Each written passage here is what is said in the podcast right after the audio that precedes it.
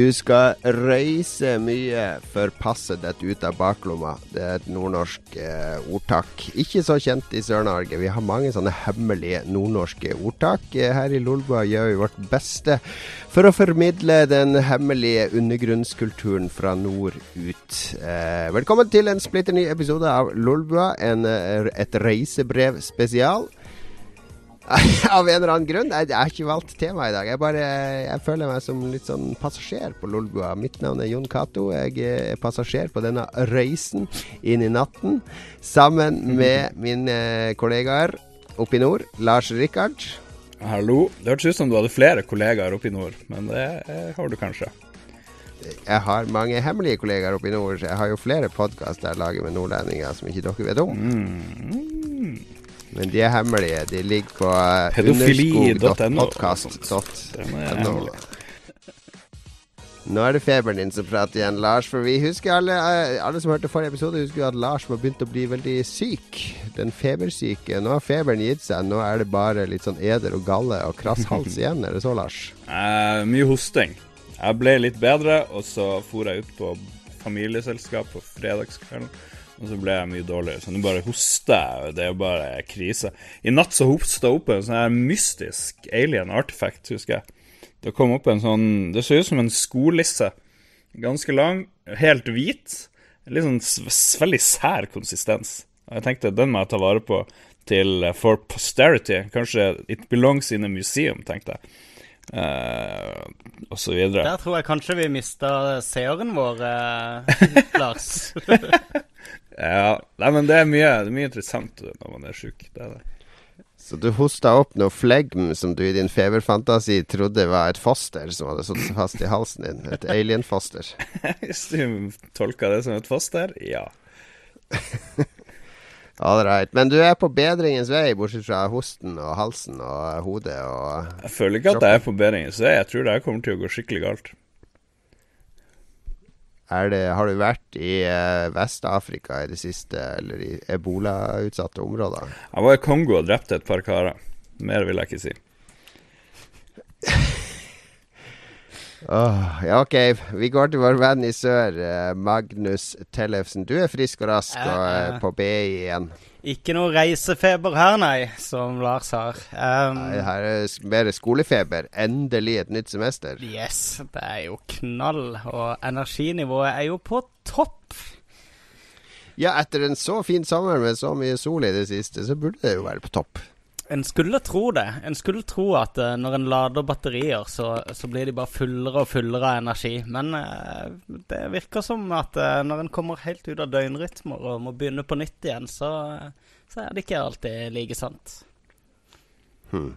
Det går seg vel til. Nå nå- er jo været blitt dårligere her i sør. I dag har det jo hølja ned ca. To, millioner millimeter regn, har jeg inntrykk av. Jeg var i hvert fall søkkvåt på vei hjem fra jobb. Mens i nord så er det pent, har jeg hørt. Her har det vært pent i godt over en uke.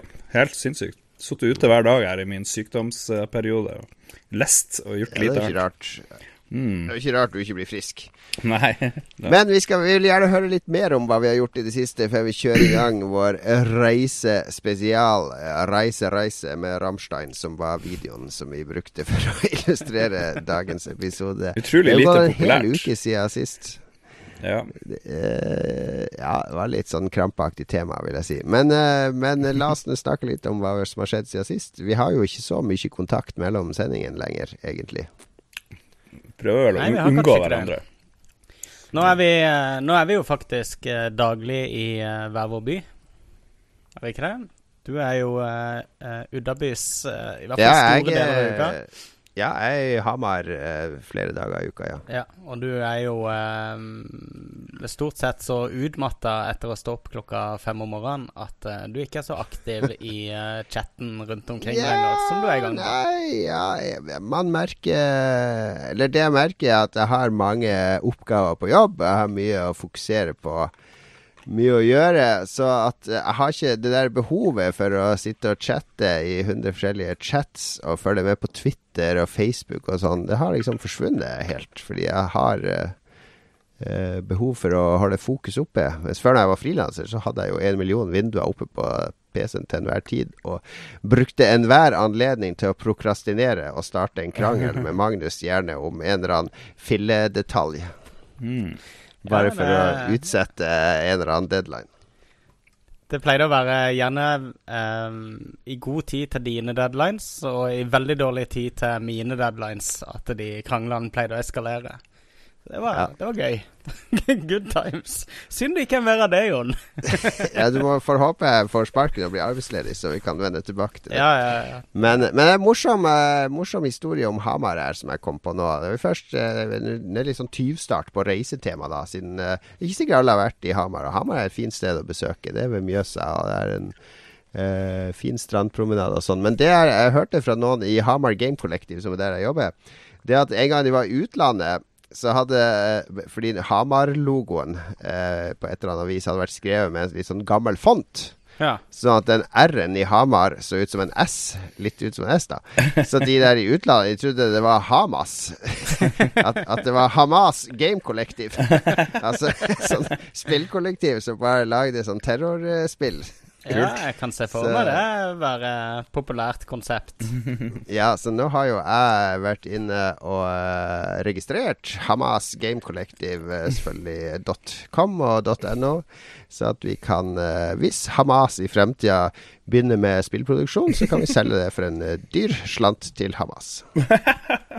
Konge. Jeg ser alltid etter økonomiske muligheter for Lolbua. Jeg merker at dette gründermiljøet du har havna inn i nå, Jon Cato, begynner å smitte litt av på deg. Det sånn, «Hei, Dette er det mulig vi kan selge til Hamas. Ja, det er kanskje CEO-cursen som begynner å slå røtter i meg. Men eh, ja, kanskje, kanskje jeg lærer noe som gjør at vi faktisk kan tjene mer enn de 400 kronene vi har tjent på Lolbua så langt i år. Hva med, hva med islamske stat? Er det noe penger der, tror du? Med noe domenenavn eller noe sånt? IS og ISIS og jeg vet ikke hva den heter. Det er jo Ja, vi har jo diplomislamskestat.no. Det har vi. og Henning Olsen islamskestat.no. Men eh, de eh, det, Nei, jeg vet ikke om det er så mye penger å tjene. Men det var en avsporing. Det var en avsporing. Har, det, har dere noe spennende å dele fra livet i det siste? Bortsett fra at du har sittet på verandaen hver dag og blitt sykere, Lars. Jeg har sett uh, SummerSlam, WWE, eh, World Wrestling uh, Entertainment, eller hva det heter for noe. Det var morsomt. Ja, Det er, jeg holder litt wrestlinginteressen ved like. 9,999 i måneden for å ha unlimited wrestling. Tilbake til uh, ja for du abonnerer på E wwe.com. WWE Network uh, har jo apper til alt mulig, også PlayStation 4 og sikkert Xbox One og alt mulig. Så kan du se det hvor du vil på telefonen og på uh, iPaden og PC. Men jeg hadde det eh, sist rundt uh, forrige WrestleMania, for jeg ville se WrestleMania. Mm. Men det jeg oppdaga, var at det var ikke sånn som det der eh, Monday Night Raw og Smackdown. Det, det kunne du ikke se på de greiene. For det var liksom kabel-TV-avtale. De har fire uker delay på de der tingene der, så vidt jeg vet. Men du skal kunne se Ja, det. det er jo litt kjedelig. Det er litt kjedelig, det er det. Men de har vel funnet ut at de det tjener vel, tjener vel ikke sykt mye penger på det der eh, opplegget enda. Men jeg syns det er kult. Det er jo fremtida Ja, til kanskje- alle sportsting, det er jo å ha en sånn greie. Men det er jo sikkert mye mer penger og hvis du klarer å lure ut noe fra Kanal Digital til flere milliarder for å sende sånne her ridiculous ridiculous ting. Ja, det tenker jeg òg, for det, er nok ikke så mange wrestling-fans som har oppdaga internett ennå. Altså, de er jo ikke Jo. de skarpeste kniven i skuffa, har jeg hørt. Jeg, tror det er sånn er eh. Det er veldig mye 56K eh, eh, ja. på internettlinjene eh, i Det er den. AOL.com-mailkontoer som prøver å signe opp. Ja. Det er jo sikkert, sikkert rett. Men, Ja, eh, men, ja. eh, og det var jo det som var litt interessant med SummerSlam der, var jo at uh, av alle hosts de hadde, så var det jo John Stewart, var det ikke det, som, eh, som stilte opp. mm. Eh, noe jeg ble eh, ganske overraska over. For jeg har jo eh, nøyaktig samme syn på wrestlingfans som, eh, som du tydeligvis har, Jon. At eh, Jeg, jeg er jo egentlig sånn skap-wrestling-fan. Jo, men at de har en, en veldig dominant eh, sørstats eh, white trash Kanskje, kanskje, kundekrets. kanskje. Vil jeg, vil jeg tro, i hvert fall. Sånn tradisjonelt så har det vel vært det, i hvert fall. Så det var et litt sånn rart valg. De kunne like godt valgt Obama, liksom, til å stå der.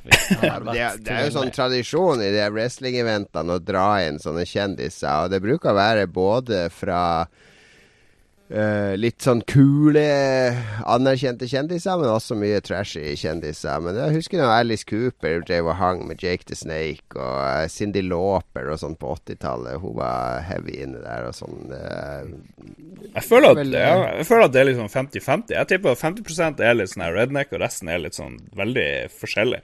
For det er, jo det var en mystisk appell, det der wrestlinga, på mange. Sånn som du Men, ser med at han, den- Andy Kaufman drev og styrte veldig mye med wrestling. Han var en veldig smart komiker, og så har du uh, Ja, men Andy Kaufman, han John Stewart, det jo. Han, ikke sant? han Andy Kaufman da har Andy Kaufman drev og kødda med det, så var det jo eh, Da var det jo sørstat eh, 100% den Det var jo hele stikken hans sin var jo å gjøre narr av sørstatene. Han gjorde jo like mye narr av seg sjøl. Men ja. Er det ikke sånn at wrestling har vokst i popularitet de siste årene? At de har tatt seg litt opp igjen? De hadde jo sånn dødperiode på eh, starten av 2000-tallet, og så har de henta seg inn igjen, har jeg inntrykk av. Uh, det ligger vel kanskje litt i tidens tann òg, at det er jo eh, Det er så kompliserte fiendebilder og uh, Det er gøy å heie på good guy og bad guy og ha litt mer sånne klare skurker og helter og eh, folk du kan eh, engasjere deg i, og enkle oppgjør, som ofte med teite utfall og juks og fanteri. Jeg ramla helt av wrestling når jeg begynte å se på UFC. Eh, og UFC har jo eh, blitt Det er vel den raskest voksende idretten nå i Eller publikumsidretten i verden. Og det har vel vært det siste tiåret. Så jeg ville jo trodd at det på en måte ville fucke opp litt på populariteten til wrestling. For de er litt yin og yang, de to. ja. Er det ikke det? Jo da. Men wrestling er jo ikke sport, sånn sett. Det er jo, det er jo fjas. Nei, men, Men det er jo de, alle de som at, eh, De som bare jeg merker at det ble UFC vanskeligere å og- se på Ja, Jeg merker at det ble vanskeligere å se på wrestling når jeg også så på UFC.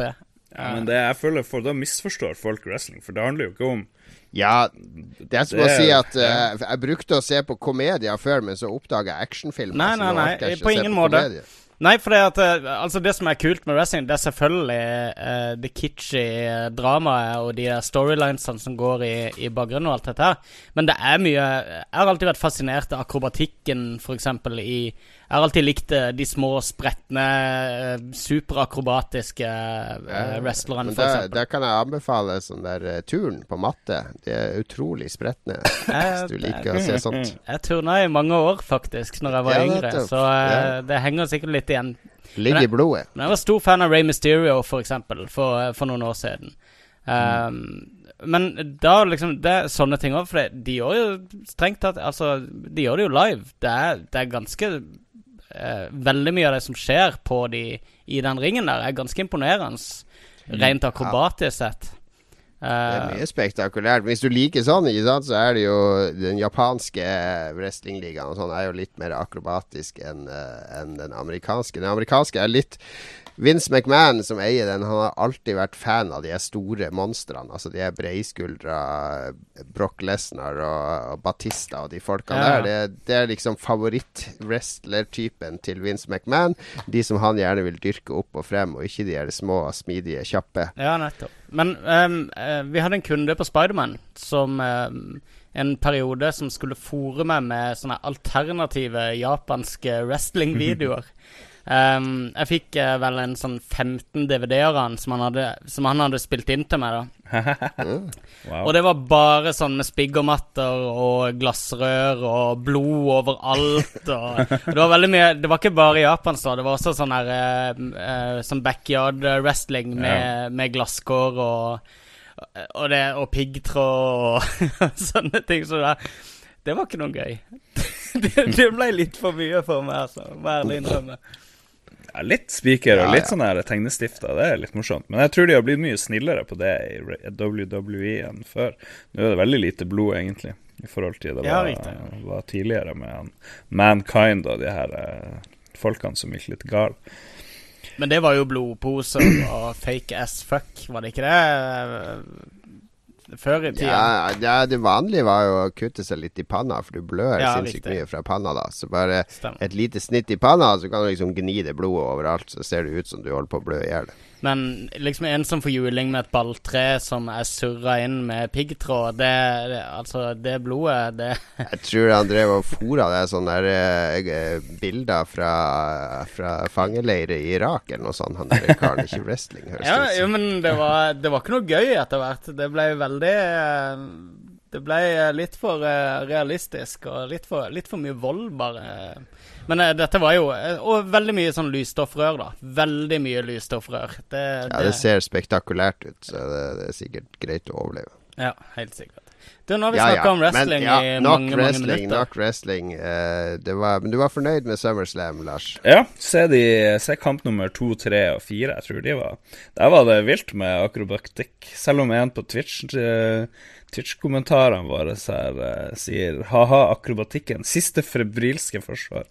Jeg er enig i det. Ja, morsomt. Morsomt. Jeg ser ikke wrestling for akrobatikken. Jeg ser fordi at uh, Ja, glem det. Nok wrestling. Nok Ja. wrestling. Videre. videre. Uh, hva, hva har du å dele, da, Magnus? Ikke så veldig mye. Vi var nede i byen, vi skulle se på I Oslo så har de Det er visst et internasjonalt konsept da Red Bull har satt i gang med Der de basically har gjenskapt eh, en eh, gammel NRK-slager på sommeren som heter Ta sjansen. Som var høydepunkt, i hvert fall eh, blant mine venner, da, da, vi, Ja. da vi var små. Det var det der med der, sånn akebakke oppe i Holmenkollen, og så skulle du kjøre sånn båt ned og ut på vannet. Ja, sånn Ja, jeg var Olabil-konsept. publikum. Jeg var publikum på aller første Ta sjansen. Og her aller, var du aller det? første. Ja, på den der eh, prototype pilot eh, Ta sjansen. Oi sann. Da satt jeg oppe i Holmenkollen, husker jeg var 30 grader, satt jeg med bestemora mi og tanta mi. Wow. Det var Ja, det skulle jeg ønske jeg hadde vært med på. Um, Og på 50-tallet eh, var det. Det var vel rundt Ja, 1950. 40-tallet. Det var 46. Det var, vi måtte finne på underholdning etter krigen. Mm. Um, men eh, det gikk opp for meg hvor mye jeg egentlig savna Ta sjansen. For det, var liksom et sånn her samlands uh, sommerhøydepunkt. Um, så vi tenkte vi skulle stikke ned, da. For det, de eh, Red Bull har jo lagd noe, noe flugtag, eller noe sånt har de kalt det, og arrangerte det Ja. ned med operaen. På eh, det som skulle vise seg å være årets siste sommerdag i Oslo, og det var jo 27 grader ute. Så vi kom ned der litt forsinka, så meg og Kristine var der nede kanskje ti på, og da slapp vi ikke inn noe som helst sted. Da var det overproppa. Det var som å være på Roskilde, altså. Det var stappfullt med folk i alle gater overalt. Det var en folkevandring ned der. Um, Det er sånn, Hver gang det skjer noe sånn i Oslo sentrum, så syns jeg det er så mye folk at jeg nesten har slutta å gå på sånne der, eh, gratisting. jo, men det er litt gøy å være med på. eh, Er happenings. Ting, ting som skjer. Ting du kan snakke om Ja. i Lolbua. Jo, ja, greit. Ja. Men, men vi slapp ikke inn, da, så vi endte opp ehm, uh, Veldig eh, Vi endte opp med å egentlig bare henge rundt i byen og ha en sånn En skikkelig bra siste sommer, da. Henge i parken og var ute og spiste, og så endte vi veldig impulsivt på kjempefylla. og eh, endte opp med å måtte dra hjem fra skolen fordi jeg satt og skalv og hadde det helt grusomt. Men jeg føler jeg fikk pressa det aller, aller, aller meste jeg var i stand til ut av siste sommer, da, og det står jeg for. ja, det er bra. Det er bra. Mens du gjorde det her, så hadde vi em, eh, Jeg vet ikke hvordan det er med dere, men jeg har jo en sånn uh, Ofte i sånn parforhold der det er mann og dame. Så er uh, damen, eller kona, er veldig opptatt av at vi må endre på ting. Vi må oppgradere kjøkkenet, eller vi må ha en ny sofa eller en ny skjenk, eller Det er hele tida sånne prosjekter som skal settes i gang, da. Vi må bygge platting, vi må fikse ditt, fikse datt. Det er Nei, som oftest mannen som, som er initiativtaker. Det er ofte mannen som må gjøre de tinga, men det er ofte dama som er sånn Som ønsker at det skal gjøres. Jeg er jo veldig, jeg er jo, jeg er veldig fornøyd med at ting er som det er hele tida. Jeg vil ikke bytte ut noe eller endre på noe. Jeg er veldig konservativ i hjemmelivet mitt. Ja. Men så har vi jo hatt Vi har barnerom da der det ligger eh, mine to yngste barna på seks og tre år. Og de hadde, mm, eh, de hadde en sånn høy seng, ikke sånn køyeseng, men den var høy. Og så under den har vi hatt en, eh, to madrasser som han eh, eldste har ligget på. da Det er ikke sånn optimalt å ligge og sove på gulvet Nei. hele, hele livet på en madrass. Det er jo litt Så barnemishandling, det der, må- egentlig. Ja, vi måtte kjøpe en sånn ordentlig køyeseng, hadde hun funnet ut. Og så fant hun noen sånne greier på en nettbutikk, ikke på Ikea, men på en sånn nettbutikk. En sånn ganske stor en med sånn 1,50 brei underseng og 1,20 brei overseng, da. Med en sånn trapp opp på sida, altså masse skuffer i trappa. Så går det an å dra ut under, sånn at den blir sånn to meter brei, så det kan ligge basically en hel familie inni denne senga, hvis man vil. Så jeg tenkte å ja, det så kjempesmart ut, den var ikke så dyr, så ja, bare bestill den, du. Og så får jeg beskjed om en dag Ja, du må være hjemme i morgen, for da kommer den pakken. Så jeg måtte jobbe hjemmefra den dagen. Og så sender hun meg sånn melding. Ja, det kommer i sånn Det kommer i ni collie, og det står at det veier 250 kilo. Og så jeg bare her, det, kan, det kan umulig stemme, sier jeg. Jeg må være sånn feil 250 kilo. Det det hørtes litt mye ut. Og så kommer det en sånn eh, bil, da. Drar ut og møter han bilen, og han drar og hei, drar en sånn palle ut, bare fullstappa med sånne esker oppå den der pallen. Og to madrasser og greier som han drar bort og slenger utfor døra mi. Og så må jeg drive og bære inn alt det her og begynne å pakke opp. Og det er jo én milliard deler i det her byggesettet, da. Eh, altså, det, alt må bygges fra scratch. Eh, eh, og så følger det jo selvfølgelig med en byggetegning fra Kina, med kinesiske tegn på. Og den er sånn Den er på fire sider da, med én tegning på hver side. Var det, er ikke basically sånn der- dette? Nei, det var ikke Ikea. Ah, altså. ok. Ja, riktig. Så det er basically den første tegninga Det er sånn bilder av sånn 50 forskjellige deler med litt sånn piler. Og så neste tegning, da er alle de delene sammen. altså, og så begynner jeg å sortere og bygge. Og jeg er ikke, som sagt, jeg er ikke så glad i sånn der mellomfase mellom prosjektet starter og det er ferdig, når alt er kaos. For vi måtte jo bruke hele huset her til å legge ut alle deler, og det var en milliard skruer og dill og dall som måtte sorteres. Og så tre dager holdt vi på å bygge den greia. To kvelder, og så vi det, klarte vi å få den ferdig lørdag formiddag. Og da, og da mm, Jeg var, så, jeg var potte sur underveis for at jeg måtte drive og bygge og bygge og bygge etter jobb. I stedet for å gjøre nyttige ting som å spille Destiny og sånn. Men, men eh, på lørdag, da jeg var ferdig, når jeg endelig trilla inn den der gigantiske underskuffa og så det ferdige produktet, da var jeg ganske fornøyd. Det ble en veldig fin seng. Og den skal aldri, aldri byttes ut. Da blir det skilsmisse først.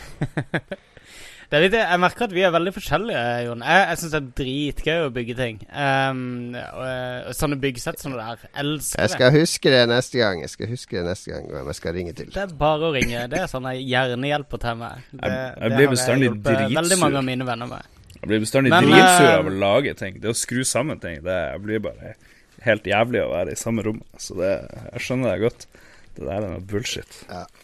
Jeg har jo til gjengjeld faktisk eh, oppgradert eh, kjøkkenet mitt eh, nå i sommer når skattepengene kom. Og eh, jeg fikk ny eh, vaskemaskin i går, og jeg har fått ny komfyr og koketopp og masse annet stæsj.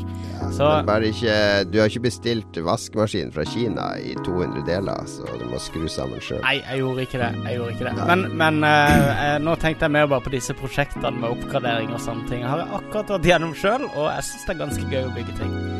Så eh, yin-yang der, Jon.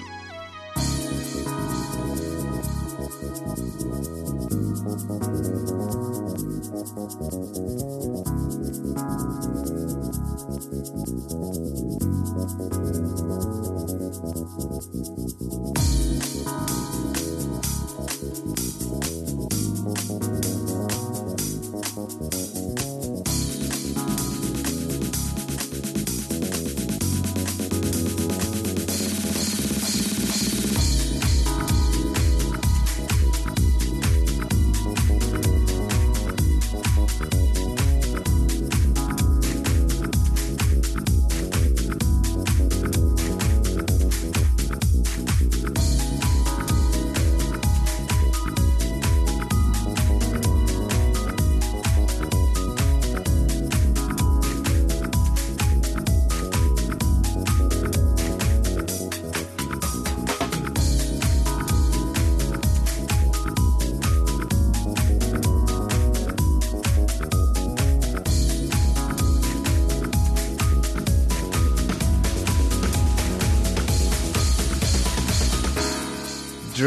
Travel Stories, er det ikke det de kaller det i Team GFB Radio, Lars? Er det det du har tenkt å rippe off nå i dagens Lolbua? Det har du helt rett i, Jon. Jeg kom på det etter forrige ukes sending. Du kom altfor lett billig unna den her Austin-turen din. Du og ei dame dro over dit. Dere hadde eh, stand like ved baren. Vi fikk ikke høre nok som helst egentlig om hvordan det var der. Så, jeg, jeg kan ja. godt eh, fortelle Jeg kan godt prøve meg på en Dave Lang med Drunk Travel Stories. Ja, bra. Uh, ja, jeg, for jeg dro til Austin. Ok, Det var en messe som heter RT, RTX. Men, Rooster hallo. Teeth Exposition. Ja, og før du drar, så må du fortelle om hvordan fly du bestilte, hvilken Ja, ja, ja. taktikk skal, du har, eh, osv. Ja, altså, jeg er daglig leder. Jeg bestiller ikke sånn eh, Jeg bestiller ikke sånn sjøl. Det gjør min, eh, min PR-sjef, som jeg reiste sammen med meg. Så hun hadde bestilt. Jeg bare møtte opp på, på flyplassen. og så skulle vi ha med oss en sånn standy, sånn roll-up-sak. Eh, og, et par PC-er å teste spill på, og dill og dall. Og det hadde jeg eh, jeg i ettertid da, det kunne kanskje jeg tilbudt meg å bære litt av. I stedet så kommer hun, eh, hun drassende da med to laptops i bagasjen sin og tonn med ting som skal med på flyet. da. Så vi sjekker inn, kommer oss på flyet. Det er SAS det er SAS vi skal fly. Og SAS er egentlig behagelig å fly til USA. Det er jo langt bedre enn Norwegian og mange andre. Så, så sitter vi og venter på flyet, og så sitter jeg og tenker på uh, sånn oppgradering. Du husker jo når vi dro til USA, Lars, så var det jo en av oss som kjøpte oppgradering til business.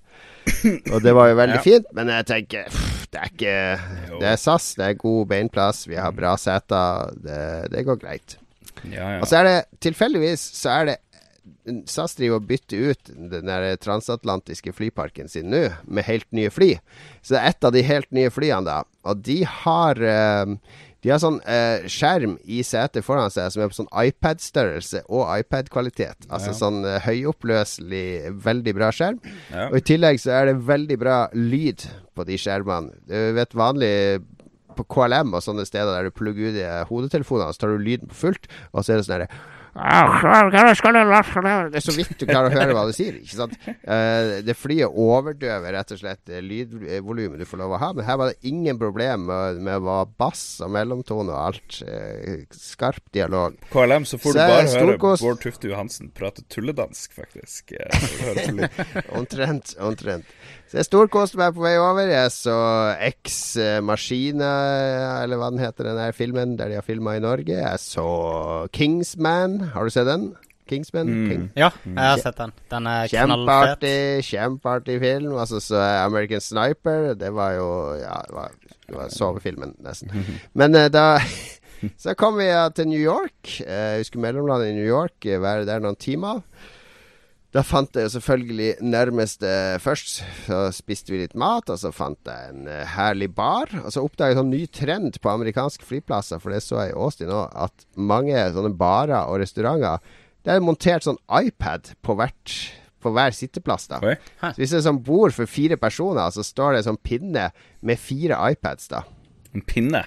Eh, for da kan Ja, det er sånn pin, eh, sånn holder som holder opp en iPad i ansiktshøyde. Eh, du sitter der, så har du asjetten foran deg, og så bak der så står det opp en iPad, som du kan sitte og se på. Herregud. Eh, og det er det mest us... Alle bord hadde sånn, og langs baren. Det er det mest usosiale jeg har sett. Alle satt bare og stirra i hver sin iPad fordi det var gratis wifi på den iPaden. Og så kan du selvfølgelig bestille mat og drinker på den iPaden, så du slipper å snakke med en kelner. Det kommer du bare bort med den. Du betaler med kort på den iPaden, på en sånn swiper attmed.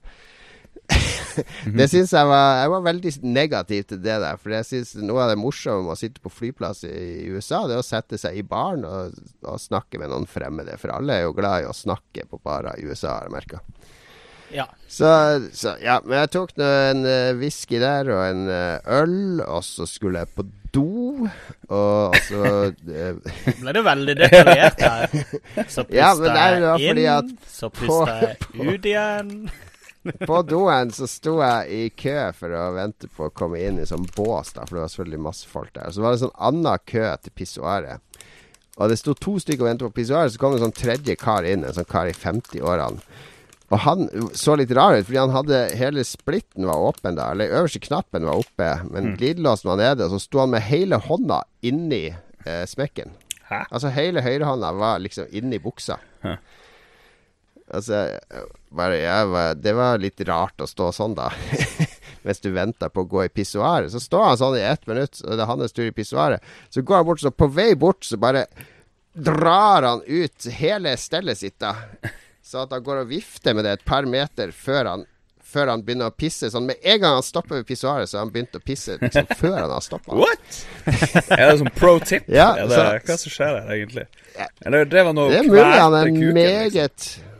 Hva skjedde? Ja, det er mulig at han holdt på å tisse seg ut. Mm. Altså at han holdt igjen urinrøret der inne med hånda, tenkte jeg da. For jeg har aldri sett noen stå med hele ånda inn i gylfen uh, på et offentlig toalett før. Jeg tror ikke, Men går det an å holde igjen så jævlig lenge? Jeg tror jeg, Det har jeg aldri klart med noe sånn stort hell, liksom. Det Ja.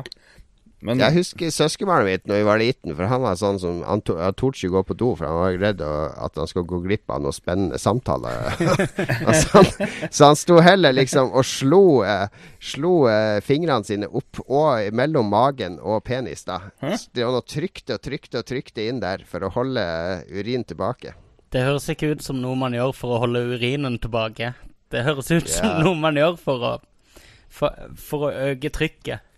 Eh, men eh, Ja, men eh, sånn var det vi Wow. når vi var små. Me- Meg og min bror var begge to sånn som, som, som venta og venta og venta med å gå på do. Sto liksom sånn og trippa og dansa i, før vi liksom OK, fuck it, nå går på do. Um, Ja, Barna ting. mine var sånn. De skal vente til absolutt siste liten. Ja, ja, ja. Um, det der, Men sånn er det men bare. det, det SAS-flyet du fløy med til New York, det tror jeg vi og jeg brukte òg da jeg for nå i sommer til USA først, før vi skulle dra til Canada. Mm. Det var samme sånn iPad-aktige greier. Det var jævlig bra. Ja, Det er jo sånn veldig bra. Et av de Og alt annet blir man jo Ja. eh, sånn sur og grinete av. Sånne gamle KLM-løsninger med sånn her cloudy Ja, skjerm, skulle- ikke sant. Og, Men det er fremdeles når du ser på film på fly, så merker du hvor sinnssykt redigerte de er. De er sånn 20 minutter kortere. Og så er det sånn her Filth you, you chumpface. så, er det, så er det en sånn annen stemme som går inn og voiceover på alle banneord og uh, det, er, det er Jeg pleier å vente med å se noen filmer. Jeg pleier å sjekke hvor lange de egentlig er, og så ser jeg hvor lange de er på flyet. For det, det er i hvert fall veldig ofte kutta sånn 10-15 minutter fra de, fordi de redigerer vekk det drøyeste, da. Det tror jeg var i gamle dager. Nei, det, det var nå sist da jeg fløy med Hva de heter de der eh, Har du fløy med sånn eh, Al Qaida Air, som klipper bort alt som ikke er innenfor troen deres? Nei, de der, hva de heter for de der eh, Dreamlinerne som jeg fløy med nå. Til Norwegian? Ja. Det fløy jeg med nå i vår, og da var det greia. Altså, det er en sånn ting. Flyselskapene gjør det fordi at de reiser rundt i mange forskjellige land, og da må de liksom ha et sånn De må godkjenne altså, filmene jeg- Det jeg hadde inntrykk av at de klippte, det var sånne scener med fly eller skrekk eller terror og sånne ting. Ja, det gjør de Men eh, sånn som den, den, jeg så den Kingsman, Ja. det var fem minutter med kirkemassakre der. Det var ingenting som var klippet bort der. Men hvor mange ganger sa de fuck i Kingsman? For det sier de ganske mange ganger i den filmen. Her hjemme i Norge. Eh, pff, jeg la ikke merke til. Nei. For det, det gjør de ikke, er jeg ganske sikker på. Jeg vil tro Jo, de jo, sier men det har jo idioti om de, om de muter bort akkurat De muter det ikke, de legger på en annen stemme som sier, Nei, som sier sånn jeg kristen så- banningord. Det er jo kjempe Det har ingenting å si, det har ingenting å si, for jeg kommer aldri til å se de filmene utenom det flyet Nei, uansett. og det er en ærlig sak, men det er det jeg snakker om, da. Eh, De filmene jeg liksom har gleda meg til å se, da, de pleier jeg å vente med, og de gidder ikke ikke se på flyet. Men eh, alt annet som ligger rett under den grensa der, er helt topp å se på flyet, syns jeg. Do you see, Larry? Bra, Do you bra. see, Larry? This is what happens when you find a stranger in the Alps. Det er jo det de har uh, sensurert der. Film uh, på flyversjonen Yes. til. Ja, fin. Mm. Men uh, ja, vi kom oss til Austin til slutt, da. Litt døgnvill og bodde på sånn Airbnb i downtown og ybra rundt. Det var jo nesten 40 grader i Austin, så det var helt uutholdelig å gå rundt i det hele tatt. Uh, ja, det skjedde Det var ikke mye kult som skjedde i Austin, egentlig. Sånn uh, drunk travel story-aktig. Jeg spiste eh, grillmat. Jeg var på um, en veldig morsom uh, pizzaplass med masse 80- og 90-talls filmreferanser. Det var, var jobbtur. Men det som var mest skuffende, da, det var jo når vi skulle hjem, da, for da skulle vi også fly SAS. Og gleda meg skikkelig til vi skulle fly fra Chicago til uh, Oslo, så jeg kunne se flere firmaer på denne lekre storskjermen. Men da kom det jo sånn her råttent fly fra 1940, da, som, som hadde en sånn derre den der 4-3, bitte lille 4-3-skjermen som en eller annen unge har sittet og ripa opp med penna si, så den har så mye ripe at du nesten ikke kan se hva som er bak eh, glassfasaden. Uh, det de mangler på fly nå, er uh, en solid internettlinje. Den uh, og stikkontakt eller USB-strømholder. Det har de på Dreamliner. Da har de USB-strøm, da. Ja, det har de på den nye SAS òg. Ja, så vi bare har det og en stabil internett-connection, og jeg kan spille Heartstone eller si World of Warcraft eller whatever. Hvis jeg kan sitte og spille det på flyet, så er jeg happy. Da trenger jeg ikke noe mer. Da kan jeg fly i 16 Herregud, som jeg hadde roll-aya hvis jeg skulle sitte attmed en random dude i 16 timer som har sittet og spilt World of Warcraft på flyet. Da hadde jeg roll-aya fra takeoff til landing. Hvorfor det? Er ikke det den aller beste måten når du først skal kaste bort tid? Og, eh, og kaste bort tida med den største tidstyven av de alle, World of Warcraft. Ja, nei, der uh, Jeg har blitt en gammel mann. Jeg synes at uh, Kindle eller uh, oh, ja. annet intellektuelt tidsfordriv er bra på fly. Men spiller World of Warcraft, ja ja, det er greit. Da hadde jeg tenkt at han kanskje Kanskje var sånn heroin-junkie som satt attmed meg, da, som ikke klarer seg uten World of Warcraft på en liten flytur. Ja, men hvis det er 16 timer, var jo det jeg mente. Men ja. Sånn er det. Nå ble du veldig gammel. Det går ut som du skal sitte med headset og rope sånn der uh, DPS og uh, ja, det, det, kommunisere med teamet. Så du kompliserer det veldig her, Jon. Du er ikke, du er ja, ikke nødt til ja, å ha teamspeak på for å, for å spille World of Warcraft. Den er grei. Men hva, ja, hva, det var min uh, nyeste reisehistorie. Ellers så reiser jeg jo til Hamar hver dag. Eller nesten hver dag. Jeg begynte å kjøre i komfortvogna på toget, fordi da er det mye lettere å jobbe. Det er større bord Mm. og strømuttak og litt sånne ting. Uh, har det veldig morsomt hver dag i komfortsona med å se alle folk som ikke har komfortbillett, som kommer inn. 'Å, her var det masse plass!'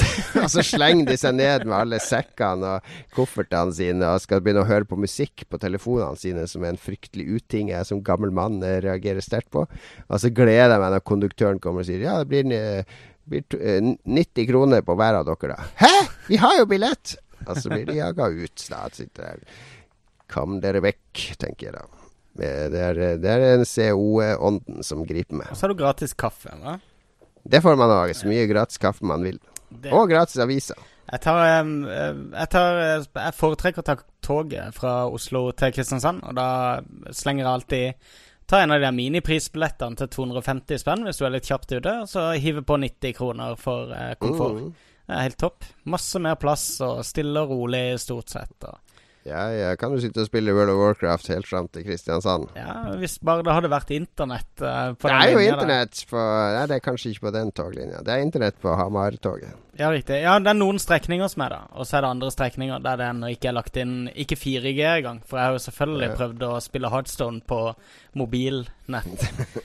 Åssen uh, er det i Harstad, Lars? Er det internett på togene der?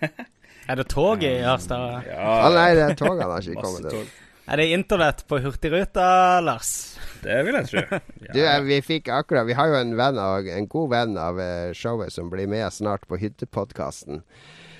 Eh, han, eh, han som var litt høylytt på forrige hyttepodkast i bakgrunnen, han, sendte jo, han tok nettopp hurtigbåten fra Harstad til Tromsø, og det Ja. koster jo eh, 600 kroner Ja, det var å ta den. Det er liksom mer enn det koster å fly fra Harstad til Tromsø. Men så eh, Det var en ganske pinefull tur, der, fordi ingen toaletter på hurtigbåten virka da, så han måtte sitte fire timer og holde seg. Uff da. Du kan slenge den over rekka, kan du ikke det? På Hurtigruta. Ja, det er ikke sikkert uh, Sikkert han torde det der, rett for å falle uti eller noe. Nei, men det der må jo kvalifiseres som en reisespalte, gjør det ikke det? Jeg har ikke, føler ikke for Jo. å bidra med noe mer. Jeg bare blir å begynne å hoste. Jeg har, sånn, jeg har muta meg sjøl her nå tusen ganger, for jeg bare dødd av hoste. Jeg gleder Du er døende, Lars. Det er sannsynligvis uh, siste Lolbua med Lars. Eh, Hva det heter det du hadde før? Sånn her eh, lungetæring og jeg vet ikke hva det heter. Det er nok det. det samme. Uh, er det black lung du har, kanskje? At du har jobba oppe i gruvene der litt for mye? Ja. Og, Ja. kanskje du har black lung fra alt det blekket på, uh, den avisa du jobber i, Oi, oi, oi. Under, i trykkeriet der. Nå kommer det frem. Det kan det være. Det. Men du vasker ikke fingrene godt nok etter jobb, så du får blekket i maten og inn i, Ja, I, inn i systemet ditt. nå venter et vilt Blekklunge. søksmål her. Jeg skal bli rik. Ja, ja, ja.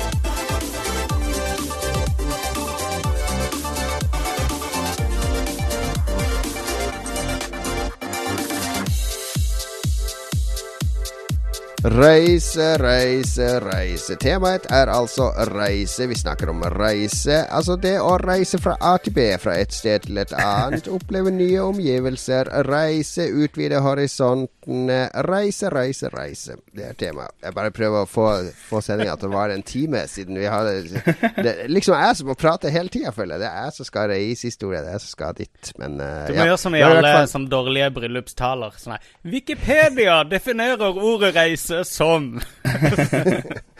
ja. Det er, det er faktisk så Vi skal i bryllup snart, og så uh, skulle min kone skrive sånn bryllupstale.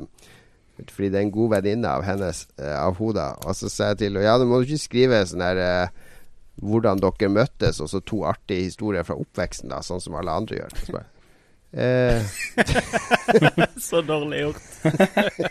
jo, men det er jo en sånn Det er den standarde bryllupsdalen. Sånn der, eh, hvordan du møtte bruden eller brudgommen, og så to sånne artige historier. Ja. Jo, det er det. Um, Definitivt.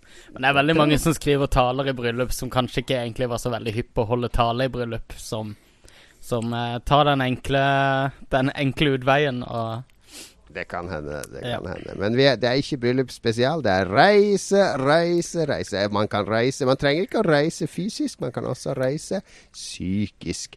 Man kan reise via en skjerm, og man kan reise via et tog. Det er reise Nei, nå gir jeg meg. Eh, vi skal ha lese lyttespalten. Jeg går ut fra at Lars er for sjuk til å lese opp i dag Ja. Vær så god. Det er greit. Da tar vi annenhver, Magnus. Ja, jeg skal finne det frem imens her. Jeg tar han eh, Vegard Megaman Mudenja. Var det riktig uttalelse nå? Ja, han er veldig sist. aktiv i chatten akkurat nå med lomma si. Det var Mudenia. for Veldig guds bra. Mudenia. Ja, det tror jeg er med rett. Ja, bra. Bra. Beste reise til nå er når kjæresten min Det her spørs om vi kan lese opp. Jeg må se hva det står først. Ja, ok. Beste reise til nå er når kjæresten min tok meg Oi. Med til Manchester for å oppleve Old Trafford. Ja, ok. Det hadde vært kult å oppleve å se Manchester United spille der, da, hvis du først skal oppleve Old Trafford. Jeg veldig ikke på han bare gjorde det òg. se på s- Å ja. Så han gikk ikke bare og så på stadion. Kanskje. Beste Men det, det, men det er, eh, det er vel for, for fotballinteresserte så er jo det et stort høydepunkt å få besøke favorittlaget sitt sin stadion. I hvert fall første gang, tror jeg. Det går for å være høydere, det. Har du vært i England på noe Har du noe engelsk lag, Magnus? Eh, jeg har jo opprinnelig Manchester United, som jeg plukka i 1982, tror Ja. Det er viktig å påpeke Ja, at du ikke er en av det, de der som slang deg på Solskjær. Ja, for jeg kommer fra en generasjon som egentlig alle liker Liverpool. For det at Liverpool, hvis du ser på uh, Hvis du ser på tabellene fra den tida, der, så var det Liverpool som var topplaget da vi var små. Eh, Mens hvis du ser uh, fra 90-tallet, så er det United som har regjert på tabellene, og da ser du også at eh, at uh, det er de som får de fleste unge fansene der. Men jeg, er faktisk en som er, Altså, og det er jo ingen som egentlig har en god grunn til å plukke et lag. Jeg plukka vel United fordi fetteren til bestekompisen min digga United, og jeg syns han var skikkelig kul. Så Jeg, jeg føler at man må nesten eh, ha bevis for at man likte før Solskjær. Det blir sånn Alle sier jeg var, jeg var inne før, før det ble populært. Du, jeg har ei eh, Jeg har Det er som, eh, som den Sex Pistols-konserten Ja. i Oslo. Det. Alle var på den. Ja. Ehm, men uh, jeg har ei fotballdrakt, ei United-fotballdrakt, som er lagd for en femåring. Så uh, hvis ikke du tror Ja, at jeg har vært vært i butikken da, det tror jeg er bevis. Ja, ja, For min del så var det faren min hang opp masse sånn Liverpool-skit på rommet mitt. For jeg var jo overhodet ikke interessert i fotball. det er litt som en sånn der eh, eh, Sånn far som er redd for at sønnen skal bli homofil, og så gir han sånne krigsvåpen og biler og sånn fordi han ser at ungen liker å leke med dukker. Ja, Så det var litt sånn med faren min. Han prøvde fortvilt å få meg til å bli interessert i fotball. Men jeg var overhodet ikke interessert. Men sånn når jeg ble ungdom, så valgte jeg Eller når jeg ble sånn 11-12, så ville jeg jo ikke velge det laget som faren min hadde valgt for meg. Så jeg valgte Newcastle i stedet. Men det var bare fordi Rob Hubbard, som er, var den beste Commodore 64-musikeren, han kom fra Newcastle. Riktig. jeg tenkte, Riktig. da kan jeg velge det. Så har de god øl. Um, Det er det jo. Men uh, Vegard uh, Mudenia Mudenia Mudenia. Han, uh, han Altså, beste reise var når kjæresten tok han med til Old Trafford. Men beste reise-spillopplevelse blir nok i morgen når jeg og to kompiser skal reise syv til åtte timer for å dra til Retrospillmessa. Håper jeg- dere stiller opp. Uttrykksikonet smile. Ja. Um, det har vi uh, ikke diskutert i uh, utstrakt uh, forstand. Men det burde vi kanskje. Vi snakka om det i forrige Ja, uke, gjorde vi ikke det? Jo, det gjorde vi. Um, men jeg har ikke fått planlagt helt. Det må vi snakkes om etterpå. Og se om kanskje Ja da, vi har, jeg har tenkt meg ned en tur, men Ja. muligens med hele familien, så at kona og de minste kan gjøre det, mens jeg og han eldste går dit en tur. Eh, men eh, ja, det blir i så fall på lørdag. um, Så hvis det er noen Lolbua-fans da som er bomper inn på, på retrospillmessa, så må jeg for guds skyld komme bort og si fra, så kan vi ta opp en lydsnipp der dere kan få ønske Lars god bedring eller reis til helvete. Dere får valget mellom de to. Takk, Eller god reise til helvete. Det òg. Det òg. Um, skal vi se, skal jeg ta neste? Ja, du får ta Hegel. Yes, Jan Christian Hegel, vår mest trofaste lytter, spør oss om hva er det dummeste spillswaget dere har fått på en slik reise? Oi, det er mye dumt. Ja. eh, eh, det første som slår meg som eh, Det er kanskje ikke det dummeste, og jeg fikk det kanskje ikke på en reise. Det var vel i Nydalen på en Electronic Arts-fest. Jeg vet ikke om jeg har fortalt Det var en lang, lang reise til Nydalen. det var en, det var en eh, T-banereise som tok uh, i uh, mer enn et kvarter. Og det var et Ja, ja, ja. A-punkt og et B-punkt, så vi reiste. Og dette var spillet Golden Eye. Ikke Nintendo 64-spillet, men EA hadde sånn god idé når de hadde James Yes. Bond-lisensen, at vi lager Golden Eye som et helt nytt spill, bare med samme navn. Ja. Golden Eye Rogue Agent, tror jeg faktisk det heter. Det er et spill jeg har spilt eh, 30 minutter av, og eh, ehm, Du har brukt den promotingen lenger enn du har uh, spilt spillet. Nei, jeg, jeg har ikke brukt promotingen i det hele tatt. Men jeg, jeg kan fortelle det i hvert fall. For eh, Ja, ja. vi var et lite knippe uh, folk der som Han markedsansvarlig hos Electronic Arts på den tida, som nå er en sånn her uh, PR-guru-dude, eh, som jeg alltid har vært veldig flink. Han var veldig flink i EA med og, sånn original Absolutt. markedsføring. Ja. Og eh, han gikk rundt til sånn på slutten av festen, og dette var jo på den tida da det var veldig mye alkohol involvert i eh, spillfester. Og eh, han kom bort liksom rett før sånn eh, Før det var på tide å stikke hjem, så kom han med sånn liten pakke til, til noen av oss, da. Og sa sånn her Ikke åpne den før du kommer hjem. Ja, veldig fint pakka inn, husker jeg. Sånn gullpapir. Ja, ja, ja. Veldig tematisk. Uh, Vi fikk ikke lov å åpne den før vi kom hjem. Nei. Og det, det var reglene. Og uh, vi var ganske susete, de fleste av oss. Dro ikke vi videre og festa videre, jo, du? jo, det tror jeg Ja. faktisk vi gjorde. Ja. For det jeg glemte den. Jeg skulle ned og sove i kjelleren på Spiderman, jeg, så jeg hadde jo ingenting å reise til. Så jeg ville jo bare drikke til det ble morgen. Ja, for det var, det var mørkt og, og trist Ja. nede i kjelleren der. Nei, men jeg, jeg husker hvor jeg Jo, jeg, jeg kom hjem, og så kom jeg på den der eh, pakka Mm. rett før jeg skulle legge meg. Jeg bodde på Bygdøy allé, da, i den der kjipe lille leiligheten. Ja, ja, ja. Og eh, jeg Og river så opp satt du det der på senga sånn der, og pust, mens du pusta sånn Ja. og lukka det du ene øyet for å klare å lese kortet. Ja, ser det for meg nå. Du bretter opp papiret, og hva finner du? Eh, en uh, gullvibrator med eh, logoen Logoen til de der bad guysene i Spectre. Ja. Spectre-logoen. Wow. Spekter-logo på en gullfarva vibrator. Ja, altså en sexlegetøyet vibrator. Og jeg, jeg Ja. husker jeg bare satt med den i hånda i sånn ti minutter og bare så på den. Skjønte ikke dealen. Skrudde den sånn av og på. Bzz.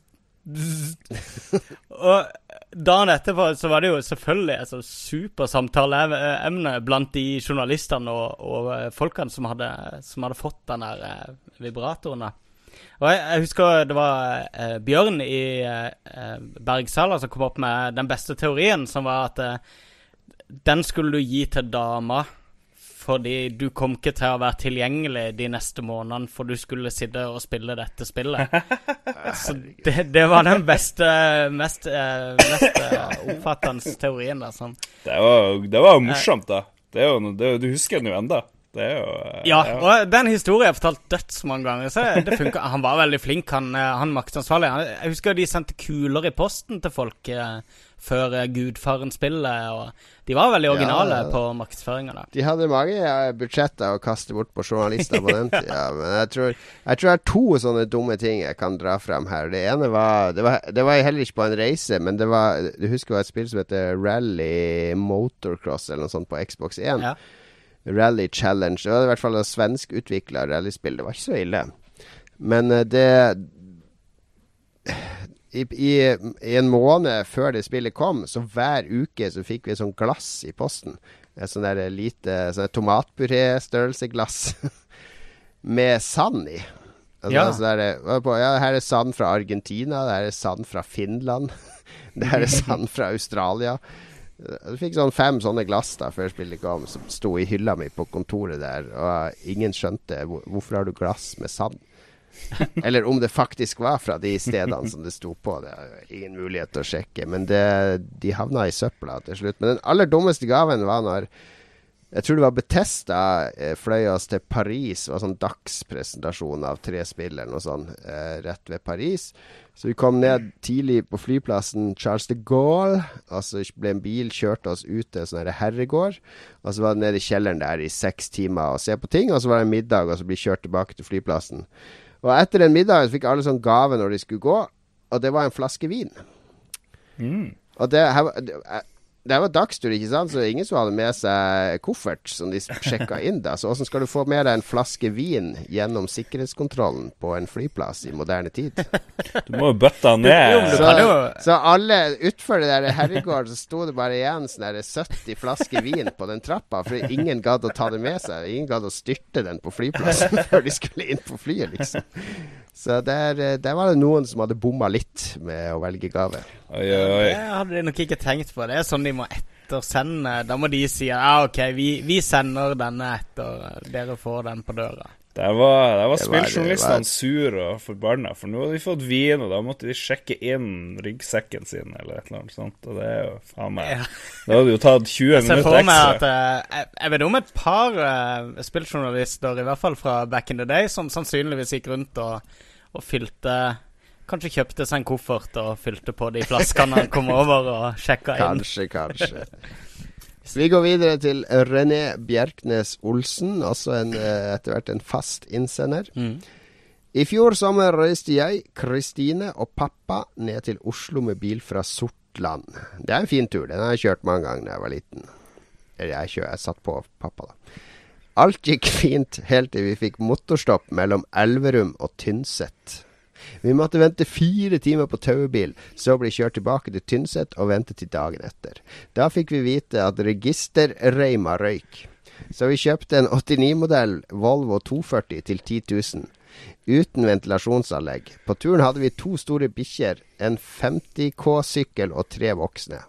Det var litt av en tur når det var tidenes varmeste sommer pluss veiarbeid på E E6.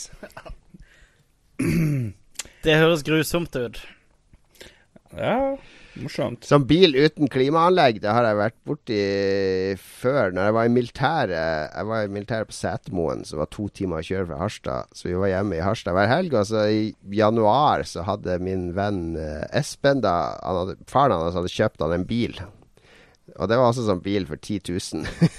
så vi skulle kjøre opp til Setermoen med den bilen da, i stedet for å ta bussen. Og da, og da oppdaga vi da at når vi hadde kjørt i sånne her ti minutter, at klimaanlegget virker jo ikke i den bilen da. Så det var sånn totimerstur i minus 25 opp til Setermoen.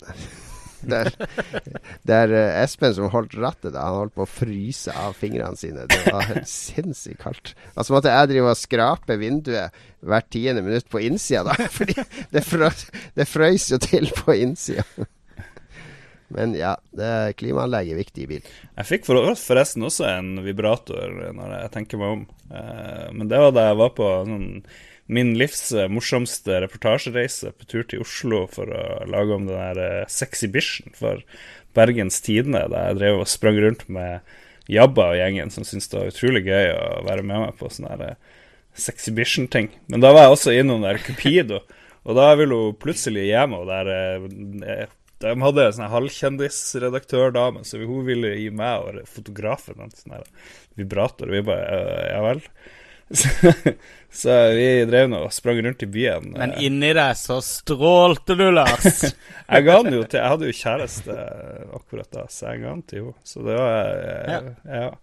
Det, jeg, vet ikke, jeg vet ikke hvor vanlig det er å gi bort sånn, men siden alle her har fått vibrator, så er det jo sikkert helt noe supervanlig å gi det bort, tror jeg egentlig begynner jeg å tro. Ja. Takk for meg. Det er vel den vanligste, den vanligste gaven. ja, jeg tror det. Det har vi jo Det er jo eh, helt Jeg hadde jo forventa å få i gave hvis jeg jobba inn eh, Eller hvis jeg, min, hvis jeg var sexindustrijournalist. Jeg vet ikke om det finnes noe sånn sexbransjejournalist. Jeg, ikke, jeg vet ikke hvor vanlig det er. Og... Hvis vi kan kalle oss spilljournalist, så må det finnes uh, adult uh, adult De har vel et bransjeblad, i hvert fall uh, Ja, de i USA, det. USA, så vil jeg tro. de Jeg vil jo, sånne gaver ville jeg jo forventa. Det som hadde vært overraskende, var hvis de hadde gitt et PlayStation 3-spill eller noe sånt. Da hadde du kommet hjem Da hadde du kommet hjem akkurat som Magnus og Ja. Å, gleder jeg meg til å se hva slags sexleketøy jeg har fått.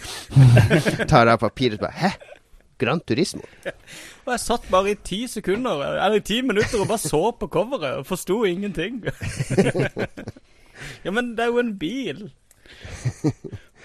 Yes, vi har Anders Hillestad. Han er jo uh, Han er vel i eh, USA nå, tror jeg, på Pax med Through the Woods. Ja, riktig. Ja, han sendte inn noen greier. Det var til forrige sending, egentlig, men jeg glemte å ta det med, så jeg bare la det til. eh. Ja, eh, fordi før, rett før forrige sending så uh, lanserte jo Tim Shafer og noen andre noe de kaller for FIG, som er et slags sånn kickstart-alternativ. Jeg må innrømme jeg har ikke rukket å sette meg så mye inn i det, men det virker som det er en sånn der eh, der seriøse investorer kan spytte inn penger og få tilbake revenue. Ja, Ideen er at det er, et kickstarter hvor du eh, eh, faktisk kjøper deler av produktet. Eh, Mm. Hvor du faktisk er investor og ikke eh, At du ikke Ja. Du donerer ikke penger, du investerer penger.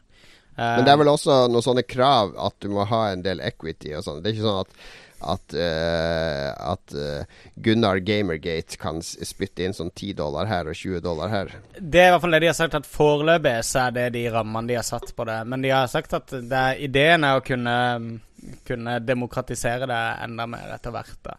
Um, Ja. Og jeg leste litt på norske spillutviklere. Eh, de hadde en diskusjon om det. Der så noen var veldig kritiske til det. For det FIG tar 5 av omsetninga for spill som publiseres via de sin tjeneste. Eh, noen mente det var ingenting, andre mente det var dritmye.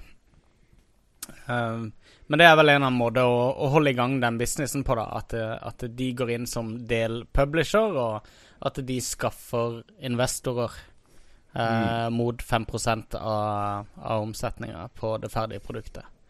Eh, Mm. det, men da er det mer sånn at når du først spytter inn penger, da, så, så har, du, da har du noe du skulle ha sagt når, når, når ting ikke leveres um, i tide og sånne ting som dette her.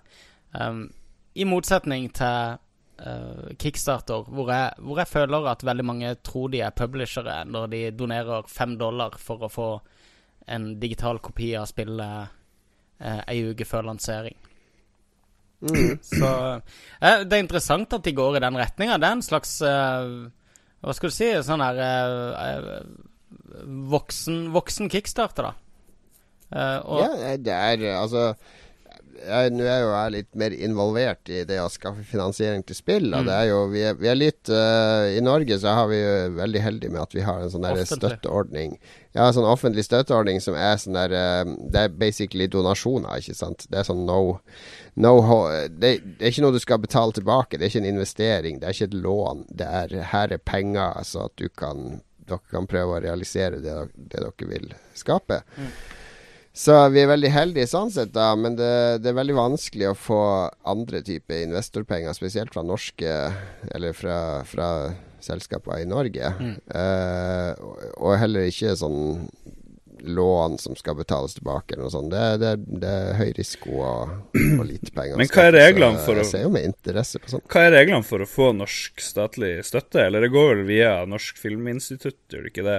Er det ikke sånn at du må ha med Jo. minst én viking, og så bør du ha med noe sånn her eh, noe, og de må i hvert fall name-droppe én uh, figur fra, fra Ivo Caprino-eventyrene. Ja, så må du ha noe sånn her norsk klassisk musikk. Ja, I Caprino er det ikke lov å name-droppe lenger, for da blir du saksøkt. Ja, det er kanskje sant. det- jo, men jeg tenker det- på de fra norske folkeeventyr, da. Asbjørnsen og Moe-eventyrene. Ja. Um, Ja. Så må du ha masse Eh, vikinger. Men du har jo eh, du har NFI har jo eh, visse retningslinjer da om at spillet gjerne skal reflektere norsk kultur på en eller annen måte. da Jeg har ikke lest veldig nøye de retningslinjene der, men uh, veldig mye av Nei, det er, det er en sånn Det er en sånn kulturtest som, som du, det ligger en link til på NFI sin side. ja. Ja, den, altså, mye av det som, står, som er rundt den støtteordninga, er egentlig skrevet for film. da At handlinga skal finne sted i Norge, f.eks. Mm. Det er jo helt meningsløst for et spill som Tetris, f.eks. Så, så Så Tetris de er bruker, Russland, mye, de bruker veldig mye skjønn, da. Men det viktigste er at det skal være for barn eller unge. Ja. Uh, unge jo, kan jo defineres som En 18-åring er jo ung, f.eks. Så du kan strekke det ganske langt. Og det kan ikke være opplæring, pedagogisk verktøy, oppslagsverk eller manual. Så du, du kan ikke få støtte til å lage et spill som skal trene opp lastebilsjåfører. eller uh, gravemaskinsjåfører. Men Dragonbox, var ikke det et eh, Var ikke det statsstøtte? Jo, men det er ikke det, Altså, med opplæring så mener jeg kurs. Oh, ja, ja, riktig. Ikke i Ja, form av Ja, riktig. Et, et sånn interaktiv kurstreningsprogram. Og da er det jo implisitt at det skal, det skal være for kommersiell eh, bruk, da, og ikke at det, Ja, det skal ha, være kultur, ikke Ja. Ikke ja. Hvis jeg, det ikke skal skal selges inn Privat. Og det der med at det må være norsk Altså, det må helst være på norsk. Mm. Ikke sant? Norsk tekst eller norsk tale. Men bortsett fra det, så er det Det, det er slutt på det at alt må ha vikinger og, og sånne jeg ting. ville ha det at det, Det måtte være FPS, f.eks. Det må være FPS, og det må være blod, Ja. og det må være masse DLC. Det må være minimum eh, Det må være 60 frames i sekundet og 1080p minimum. Sinnssykt mye Mer tekniske krav. Sinnssykt Og det må være en uh, nude-mod. Det var jo Du må ha en nude-mod, og uh, uh, ja. Det må jo være sånn Ja, at de men skal det, tjene det er penger. sånn eh, alle, alle kan søke på de greiene der, men du må, f- eh, du må liksom ha noen involvert i prosjektet som har erfaring. Og hvis, det, hvis du ikke er et aksjeselskap, så kan du ikke få mer enn 300 000 til, uh, i tilskudd. Hvis du er aksjeselskap, så tror jeg du kan få 2,5 millioner. Og så må Du kan ikke få dekt mer enn 75% av utviklingsbudsjettet. Mm. Uh, Har du jukselapp nå, Jon Cato? jeg var nettopp på, på, en sånn høring om det her. Okay. Så, men de er men, men, men, uh, ja. Svensk Nei, Men de får, de får ca. 120 søknader i året, og 30 av de får tilskudd. Men er det ikke noe sånt at Sverige og Finland har sånn to tredjedeler av det her free to play?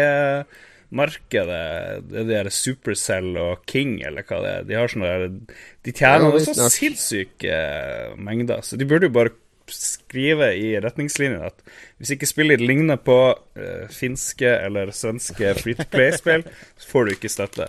For da blir du ikke Men um, dette er jo bare for finansiering av prosjekter. Du har jo også støtteordninger via Innovasjon Norge, har du ikke det? Til sånne firmaer som dere, Jon? Ja, det er, men det er mer sånn oppstartsstøtte. Men nå i dag så annonserte jo regjeringa og Innovasjon Norge, eller Kulturdepartementet ja, i hvert fall Innovasjon Norge og Toril Vidvei og noen flere andre I en sånn infovideo, eller? Nei. Jeg tror ikke de har laga video på det. Men de, de, er i hvert fall satt av ti millioner eh, i året til eksportstøtte for norske spill. Ja, det er jo flott. da. Ti eh, millioner? Ja, det er kjempebra. Hjelp de der ja. de er. det var eh, Det kom litt uh, overraskende på mange, tror jeg, i bransjen. Fordi uh, har, nå har den vært litt i ro i noen år, den der spillstøtta. Jo, men spillstøtta kom jo, kom jo, veldig godt ut av det når, når, når var det i fjor eller i forfjor, når de samla hele støtteordninga til Var det ikke film og spill gikk inn under samme støtteordning? Under samme del av kulturbudsjettet? Jo, de er, eh, altså det er én stor pott, og så ja. tror jeg det er NFI som, har, som, fordeler de mellom film og spill. Ja, og Sånn var det jo ikke opprinnelig. Og spill har jo kommet godt ut av det. Det har jo vært en økning i bevilgninger til spill hele veien. Ja, jo, det, ja ikke de tre siste årene, men, uh, men Gikk det ikke opp to millioner i, fra i forfjor til i fjor? Nei. Ok, da husker jeg feil.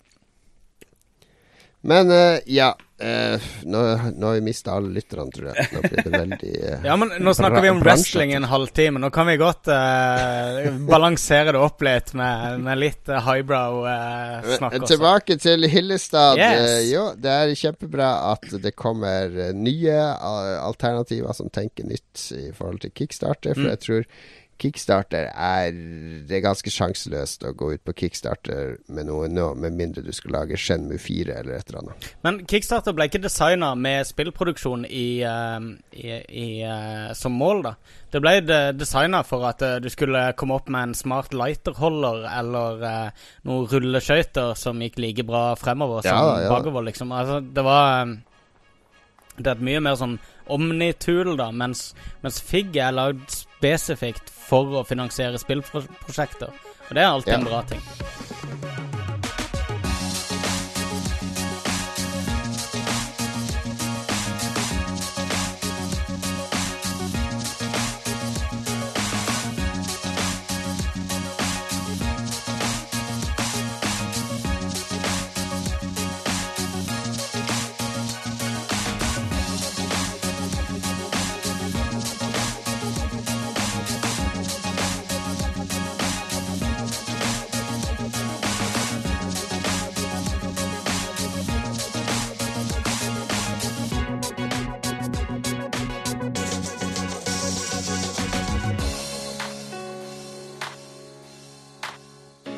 Til, er du der fortsatt, kjære lytter? Har du savna at vi gikk litt for in depth på uh, spillfinansiering her? Vi lover å ikke gjøre det igjen. Nå skal det bli fjås og tull igjen. Det er nemlig dagens bonustema, som vi skal ha som bonustema i et år fremover. Eller vi skal ha det helt fram til Donald Trump blir president. Woo! Hvis han ikke blir president, så kommer Lars til å spinne videre på det. Donald Trump, han er, eh, hadde han vært i Norge Uansett hvilket parti han hadde representert, så hadde Lars stemt på han. Er ikke det riktig, Lars? Stemmer. 100 All the way Trump. For du er uh, Din største drøm nå det er å få amerikansk statsborgerskap, sånn at du kan stemme på Donald Trump. Du er en beinhard Trump-fan, og du har innført en ny spalte som heter Make America Great Again. Take it away, Lars. Takk, takk. Og det er en stor ære å ha første offisielle Make America Great Again-spalte, som jeg tror blir en veldig innholdsrik Kanskje den blir å gjøre podkasten dobbelt så lang, men vi får se. Ja, og det tror jeg kjernepublikummet vårt blir å sette veldig stor pris på etter hvert. Men vi får ta og begynne litt rolig i dag, da. Men, og, og eh, målet er jo selvfølgelig å ha et intervju med Donald Trump etter hvert, og det tror jeg vi skal, vi skal klare. Men jeg tenkte vi kunne jo først Det fikser vi via Tutta. Ja. Jeg tenkte vi kunne bare begynne med å se på en av hovedpilarene eh, til Donald Trump, og det er jo selvfølgelig å ringe inn eh, USA med en mur. Og det syns jeg er en veldig god idé.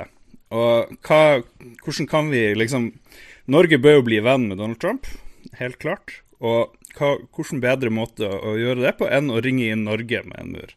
Så det vil jeg liksom lansere her i dag, da. I uh, Make America, kanskje slash Norge òg, great again. For det er mye vi kan lære. Jeg snakka med en Frp-politiker i Harstad. De syns Donald Trump er helt awesome, som, akkurat sånn som meg.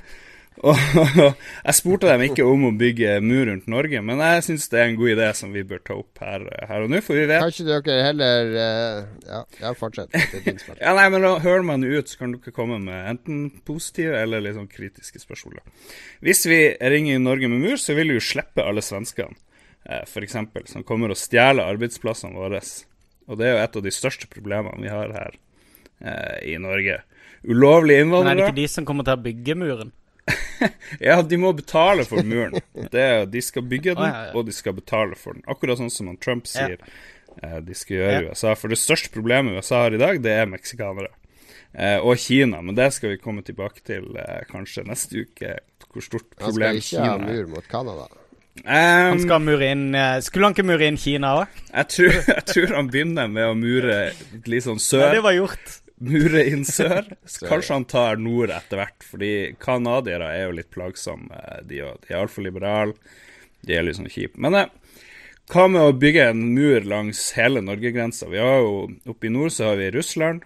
De er tvilsomme, det vet vi. Eh, det vet vi. Selv om Trump liker Og vi vet at de er dårlige klatrere. ja, så, så vet vi det. ja, vi, vi, Eller vi, har, vi kan ta et educated guess om at de er dårlige klatrere. Ja, men hovedproblemet er jo Vet du om noen gode russiske klatrere? Nei. Hovedproblemet er jo svensker. Har, du ikke sett eh, videoer med russere som klatrer opp i sånne uferdige skyskrapere og balanserer helt på ja, kanten? Ja, de er kjempegode klatrere. Ja, jo, men ikke, ja, det, er, det, er et poeng. Det er poeng. Men ikke vegger, da. Vi, får, ja. uh, vi må nesten Nei, holde, oss til, holde, oss til, fakta. Men, ja, jo, det, men, det får være Bygge mur rundt Norge. Ja, ja. bygge mur. Ja eller nei? Er dere, er dere med? Uh, det har, jeg, får, jeg har hørt veldig mye snakk Når jeg var For en del år siden var det mange som snakka om å mure inn Bergen. Uh, og det var liksom Det var like stor oppslutning i resten av Norge som i Bergen for å gjøre det. det, det ja, det er det jeg ville foreslått for Lars og de Frp-politikerne i Harstad. Hva med å mure inn Hinnøya først? Mm. Se åssen det går. det går altså, i Nekte å slippe noen inn på Hinnøya. Må bygge egen flyplass og litt sånn. Det er noen utfordringer, men, uh, men vi får se åssen det går. Så, ja. Slipp du at de her Narvik-væringene kommer og tar jobbene fra Harstad-væringene. For eksempel. Men skal vi, skal vi da ha en mur Åssen uh, skal den muren være i Norge? Skal den da gå langs kystlinja, eller skal den gå langs uh, kontinentalsokkelen? Det ble jo et sånt spørsmål. Og man spørsmål. kan jo ikke se den mur under vann! Nei, men da må vi bygge den så høy at den går over vann til slutt. Jeg tror ikke uh, For ja. at, vi er jo et land av, av fiskere og oljearbeidere som, som mm. må komme seg på jobb. Ja. Du, er dette ting du har tenkt på, eller vi kan jo mi minelegge, Vi kan jo minelegge kysten. Det er jo mye enklere. Fordi, og det her har vi Nå kommer jeg jo på, i tillegg til svenskene, så er jo tyskere et svært problem. Ikke bare at de brant ned, brant ned Nord-Norge under eh, andre verdenskrig. De kommer også og fisker ting. Tar, fyller De sportsfisker opp all fisken. Ja, fyller bobilen sin. Tyske, svære bobiler. Ja. Og så kjører de av gårde med fisken vår. Og det Hadde vi hatt en mur, så måtte de jo eh, ikke Nummer én, de kunne ikke ha tatt med seg bobil. Nummer to, de måtte klatre over med fisken. Og vi kunne kaste stein på dem mens de prøver å stikke av over til Sverige med sine svære kjølebager. Så det er win-win. Jeg føler jo at Heigel kan eh, bidra med viktig input eh, eh, med Ja. en eventuell eh, mur mot tyskere. Vi må bruke de ressursene vi har her, Lars. Ja. Jeg syns det var et helt utrolig ræva forslag. Både Trump sitt forslag i USA, som ikke kommer til å føre til noe som helst, men eh, Lars sitt forslag er kanskje enda verre. Så hvis vi skal stemme over eh, Lars sine forslag eh, basert på Trump sine ting, så stemmer jeg tommel ned der. Ja, jeg, jeg syns det er vanskelig å forholde seg til, egentlig. Jeg, jeg, jeg har lyst til at vi skal bygge noe store Jeg er jo tilhenger av sånn signalbygg. Ja. Det er jeg jo tilhenger av. det kunne jo bli en veldig Eh, pen og, mur. eh, ja, ikke sant. Det kunne vært sånn som den kinesiske mur, Ja, som, som trekker millioner av turister hvert år. absolutt. Eh, Så er det veldig sånn helsebringende òg, å måtte klatre over den gigantiske muren. Ja, og hvis vi eh, i sånn god norsk ånd, da, hvis vi hadde kjørt litt som sånn, der, sånn dugnad, da, så hadde vi kanskje fått opp eh, den nasjonale helsegrense Eller gjennomsnittet, da, med at eh, hvis alle er med og bygger og bærer tung stein og bygger murer, så kanskje folk blir sunnere, og Ja. sykdommene Ja, går altså- ned. ja. Og så kan NRK streame bygging av muren minutt for minutt. Kjempeidé! og så kan de være med liksom på betongfabrikken og eh, på mursteinfabrikken og det Du sier noe, det. Jeg tror, vi, jeg tror vi sier takk til uh, Make America Great Again-spalten denne gangen. Vær så god. Det var en ambisiøs start. Eh, Jeg er veldig spent på hva, hva Lars har latt seg inspirere av hos Trump neste gang. Kanskje får vi til og med se Trump-sveisen på Lars i, i løpet av uh, høstens sesong. Oi, oi, oi. Det her blir bra. The Great Wall of Norway. Vi, jeg tror ikke vi trenger flere pauser. Jeg tror vi kan gå rett på slutten her.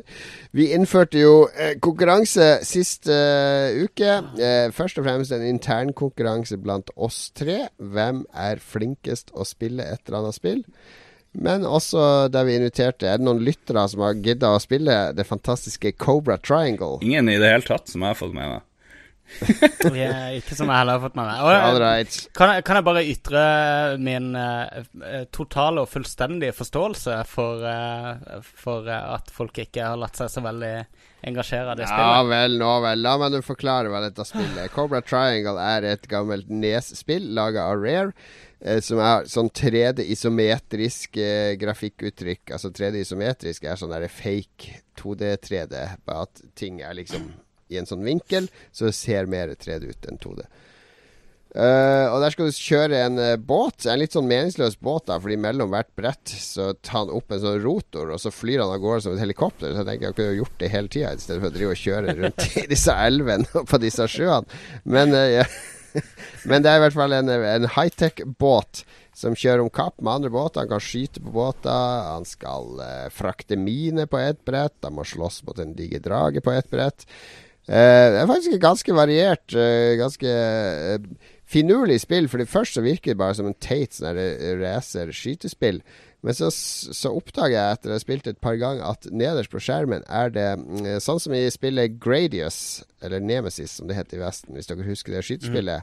At du tar sånn power-ups, og så må du aktivere så her kan du, du kan aktivere missil-power-up. Og så aktiverer du flere ganger, så får du kraftigere og kraftigere missiler. Du får kraftigere firepower, og så andre sånne eh, hjelpemidler til båten din. da Så det er faktisk litt kult å oppgradere båten underveis. Og eh, jeg, liker- jeg, jeg, jeg syns spillet har litt sjarm, så, så, så jeg har spilt det litt.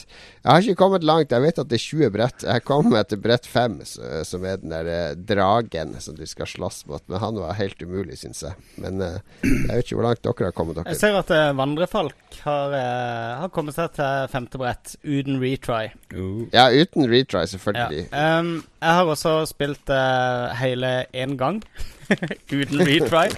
Og jeg kom til brett uh, fire.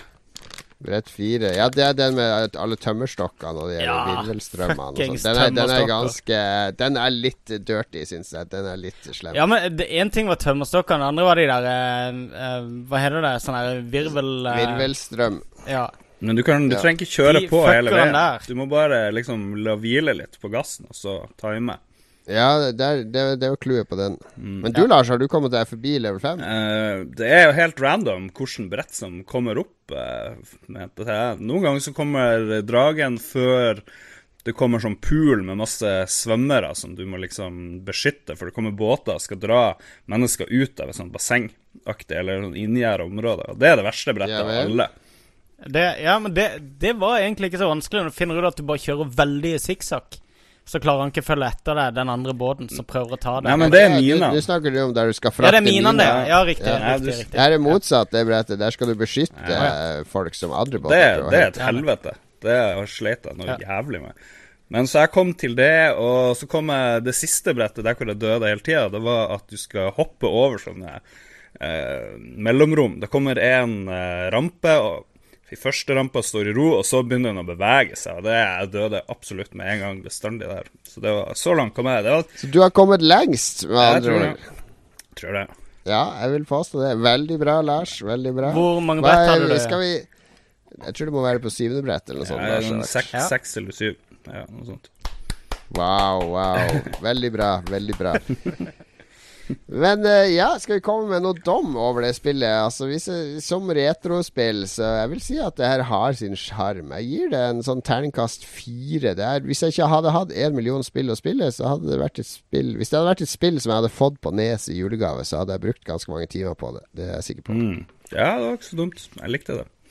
Jeg likte det. Det er overraskende bra spill, men det har liksom vanskelige eh, kontroller, da. Det var det. Jeg syns det er finurlig at de har, de har gjort bre Alle brettene er veldig forskjellige fra hverandre. da Det- Ett skal du kjøre som- kjempefort om kapp, og ett må du må være litt sånn smidig, og ett skal du beskytte, og ett skal du uh, jakte. Og Jeg syns det var litt artig, det sånn sett. Det er det som trekker opp for meg òg. Det, det, det var overraskende variert uh, opplegg på, uh, på det. Men uh, jeg syns ikke det er noe morsomt å spille eh, lenger, rett og slett. Jeg syns kontrollene var grusomme. Uh, satt og spilte med den Xbox-kontrolleren. Klarte ikke bestemme meg for om jeg skulle sitte med analog eller med uh, D-paden og spille. Å ja, ja, nei, fordi det det- Clouet var at du må bruke eh, den der eh, triggeren til å gasse. Og da er det helt naturlig å svinge høyre-venstre med enten D-paden eller spaken. Ja, Mm. men det Ja, OK. Jeg tror jeg brukte knappene oppå. Fordi ja, Hvis du gasser med A, så Ja. er det mye mer knøvlete, syns jeg, å svinge. Ja, Men med en gang jeg begynte å bruke den bakgreia, så var liksom tommelen min fri til å skyte og blaste opp og aktivere power. Jeg, nettopp. jeg savna Eh, Autofire veldig. Det gjorde jeg. Det må jeg innrømme. også. Du får kjøpe deg sånn cheat joystick. Jeg tror aldri jeg har avfyrt et eneste skudd i, i løpet av det spillet. ja, nettopp. Nei, men artig spill, om jeg får si det sjøl. Jeg, jeg følte vi måtte Kanskje vi går inn mer på tradisjonelle spill denne gangen. For vi må jo velge et nytt spill for denne uka. Hvem er det som skal velge? Kan jeg ta det fordi at eh, Ja, du kan ta det. For det er veldig tematisk. Ja. Uh, og jeg skal selvfølgelig frem til Jeg skal ikke være noe speedrunning av sånn Lucas Arts eventyrspill. Jo, det er akkurat det. Monkey Island 3. Nei, men um, tingen er at uh, skal vi ikke kåre en vinner av tingen vår? Har du ikke Du er vinneren, Lars. Lars er jo vinneren. Jeg vil vite high score og sånt. Jeg vil vite high scoren deres. Ja, vi skal Nei, det har jeg ikke skrevet opp. Jeg kom til brett fem, og du kom lengst. Men da vi fører det opp i sendeskjemaet vårt at nå er det ett poeng til Lars Ja. i ligatabellen. Så Lars ligger øverst da. Han har, uh, han har tre poeng. Hvis vi uavgjort, blir det én på hver. Ja. Jeg og, jeg og Magnus har null poeng.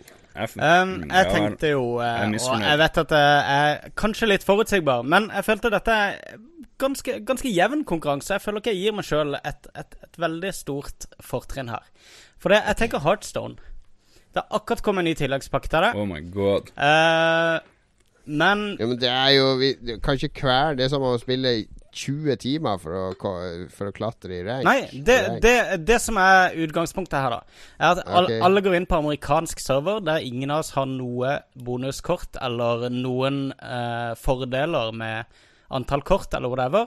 I løpet av ei uke så skal vi spille eh, ranked og se hvem som kommer på laveste rank. Med det vi klarer å vinne av pakker uh, underveis, eller å bare spille. Kan jeg komme med et motforslag? Ja. At vi ser hvem som kommer langst, lengst i arena heller. For jeg, jeg kommer ikke til å ha tid til å spille mer enn tre-fire kamper, liksom. ja, ok. Ja, men da kan vi ha det. Uh, ja, ok. For det er jo Eller kan jeg la sønnen min spille for meg? Nei, det kan du ikke Du gjøre. kan jo, du kan jo da ikke det, Jon. Men- Ok, så vi sier og du kan eh, ikke ha han med siden av deg til å sitte og gi deg råd i arenaen heller. Ok, Heartstone Arena, er det lov å bruke sånn webside for å velge beste kort, da?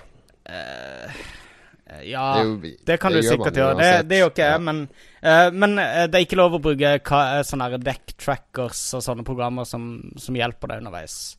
Jeg, jeg vet ikke hva jeg er, så det er samme det. Nei.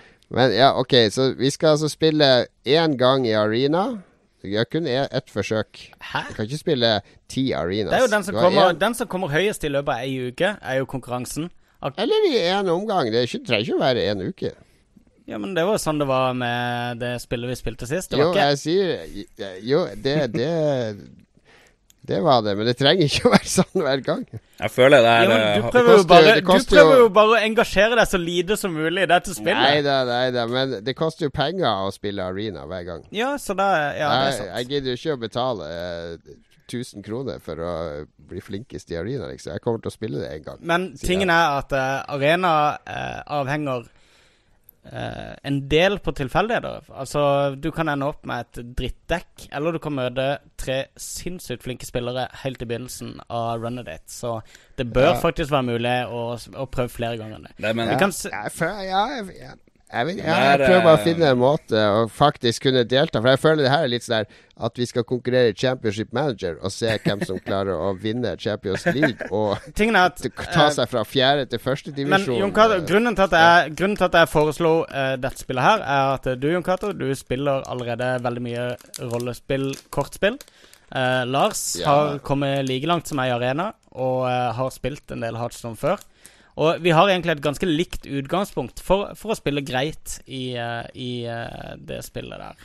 hmm. Selv om jeg kanskje ser mer på det på Twitch, så spiller jeg ikke så veldig mye heller.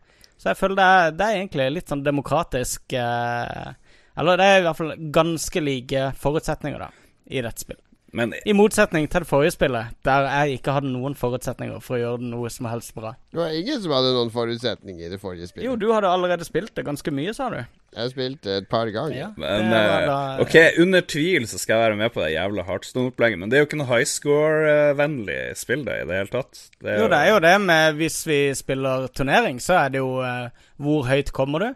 Og hvis du, hvis du spiller ranked, så er det hvor lavt kommer du? På syv dager.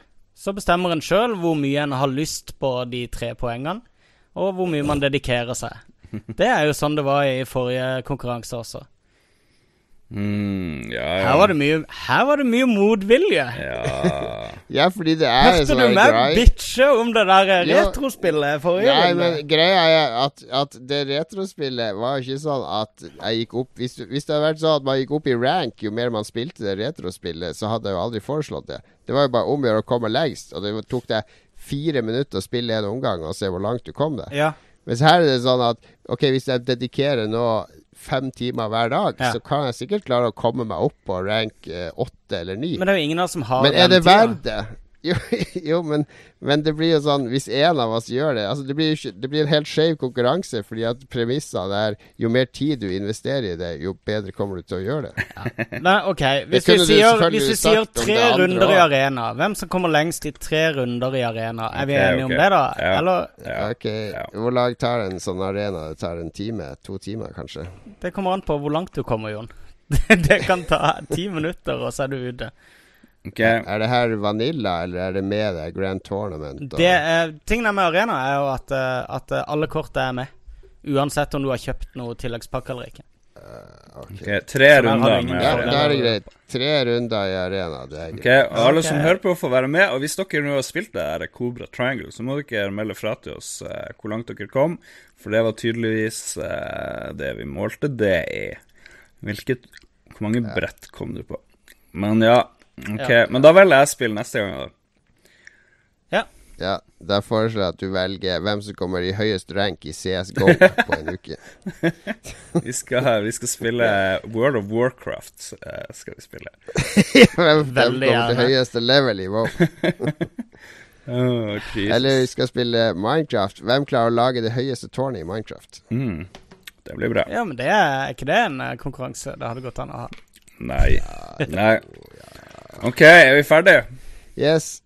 Nå er vi ferdige. Neste gang skal vi, jeg lover lytterne nå at neste gang så skal den som skal velge spill, han skal si spillet sitt før vi begynner sendinga, så vi kan ta den der halvtimes diskusjonen om, om premissene for spillet før sendinga, og ikke midt under sendinga. Eller det er jo, ja, vi vil jo bli overraska, vi som er med i podkasten nå, med hva, hva, som er valgt. Så, nei, vi gjør ikke det. Men vi lover å ikke diskutere det så omfattende. Ja, men det blir ikke med i den, eh, den ferdige podkasten, kanskje? Ja, det, jeg orker ikke å klippe, finklippe ut det. Nei. Så takk for uh, at du hørte på Lolbua denne uka. Vår reise, reise, reise spesial. Um, vi lover å finne et bedre tema neste uke, fordi neste uke så er Metal Gear er ute. Uh. Det lanseres nå i starten av neste uke. Kanskje vi skal ta en Metal Gear-sending. Mm, kanskje det. Kanskje det. En, uh, en uh, nekrolog for Kojima. ja Det syns jeg vi kan ta. Jeg, jeg, liker ikke den serien noe særlig. Jeg er jo ikke noen stor fan av, av Metal Gear, som kjent. Men vi kan godt uh, jeg kan godt snakke om det i to timer. Jeg syns at uh, når det antagelig er slutt på hele serien, at det kan være verdt å snakke om. Og Jeg gleder meg veldig til å spille Metal Gear Solid 5, så uh, det, vi kan godt snakke om det neste gang. Syns jeg, da. Men vi kan snakke om det imellom disse to det episodene. Det kan vi.